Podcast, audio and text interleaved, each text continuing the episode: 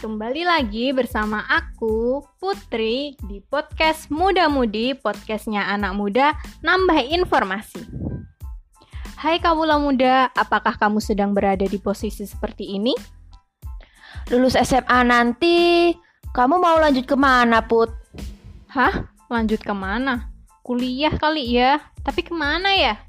Atau seperti ini?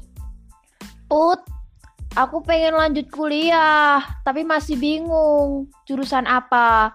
Aku tuh suka nulis, suka baca-baca, tapi aku nggak tahu mau ke mana jurusannya. Kamu masuk ke jurusan PBI UMS aja. Hah? Apa tuh jurusan PBI UMS? Emang cocok buat aku?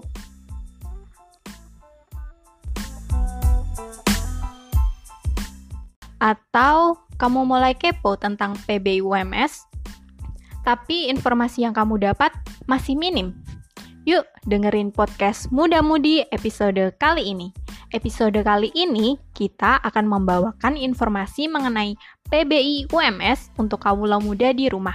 Langsung saja, Putri sudah bersama sahabat kawula muda yang baru saja lulus SMA. Silakan Nona memperkenalkan diri.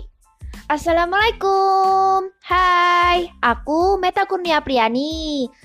Di sini aku mau tanya-tanya nih sama Kak Putri seputar jurusan PBI UMS. Soalnya aku mulai sedikit tertarik sama jurusan PBI UMS.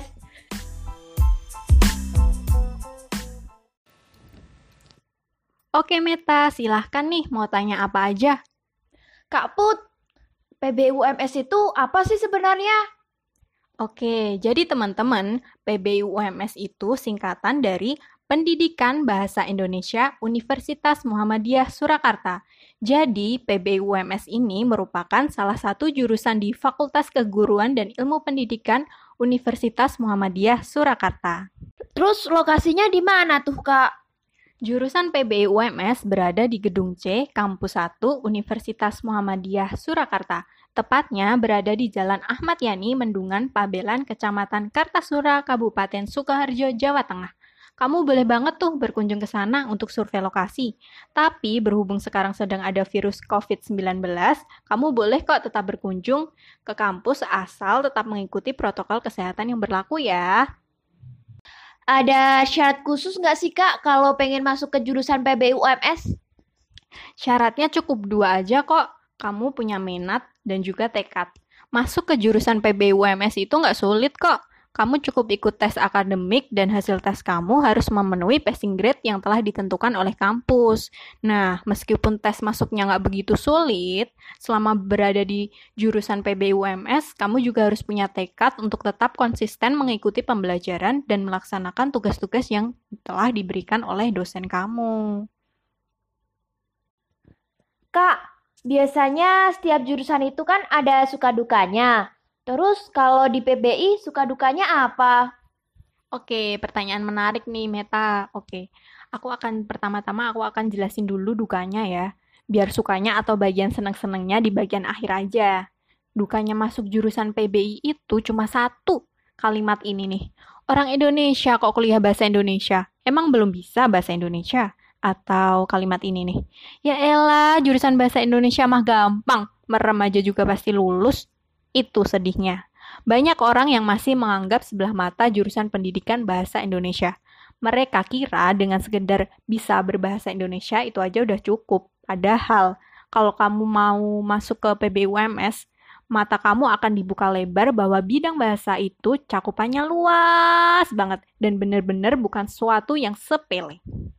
Nah, ini mulai masuk ke bagian suka atau senang-senangnya nih berada di PBUMS. Pertama, dengan belajar di PBUMS, kamu akan tahu alasan kenapa benda kursi disebutnya kursi, kenapa pohon disebut pohon, dan seterusnya. Kamu akan diajari konsep berbahasa dari yang paling dasar sampai ke bagian yang paling butuh kecermatan.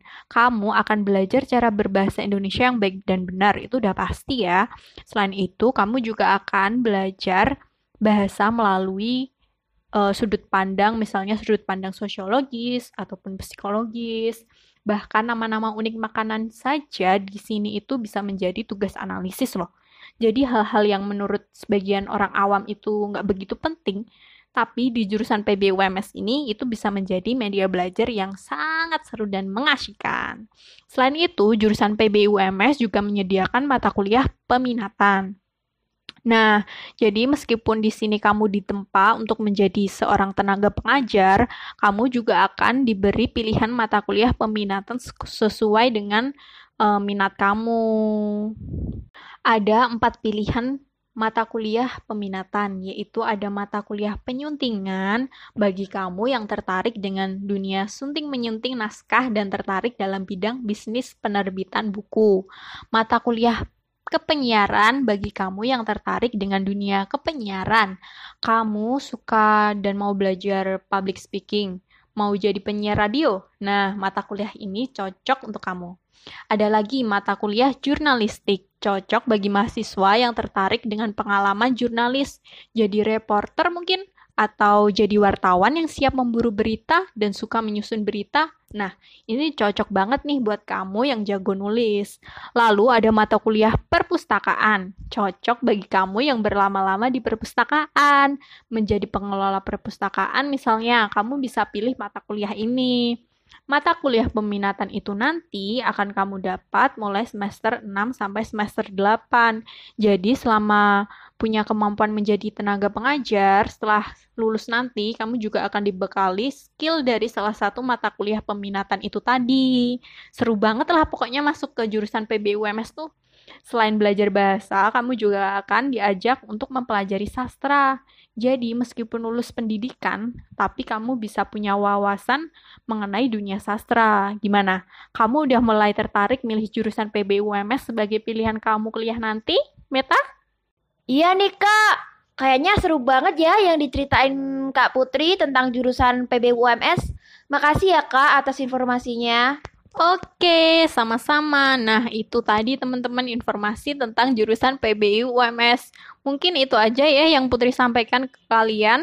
Semoga informasi yang Putri sampaikan bermanfaat bagi kaula muda semuanya. Makasih juga buat Meta ya udah nemenin Putri uh, rekaman hari ini. Sehat selalu untuk kalian semua. Sampai jumpa di episode selanjutnya. See you.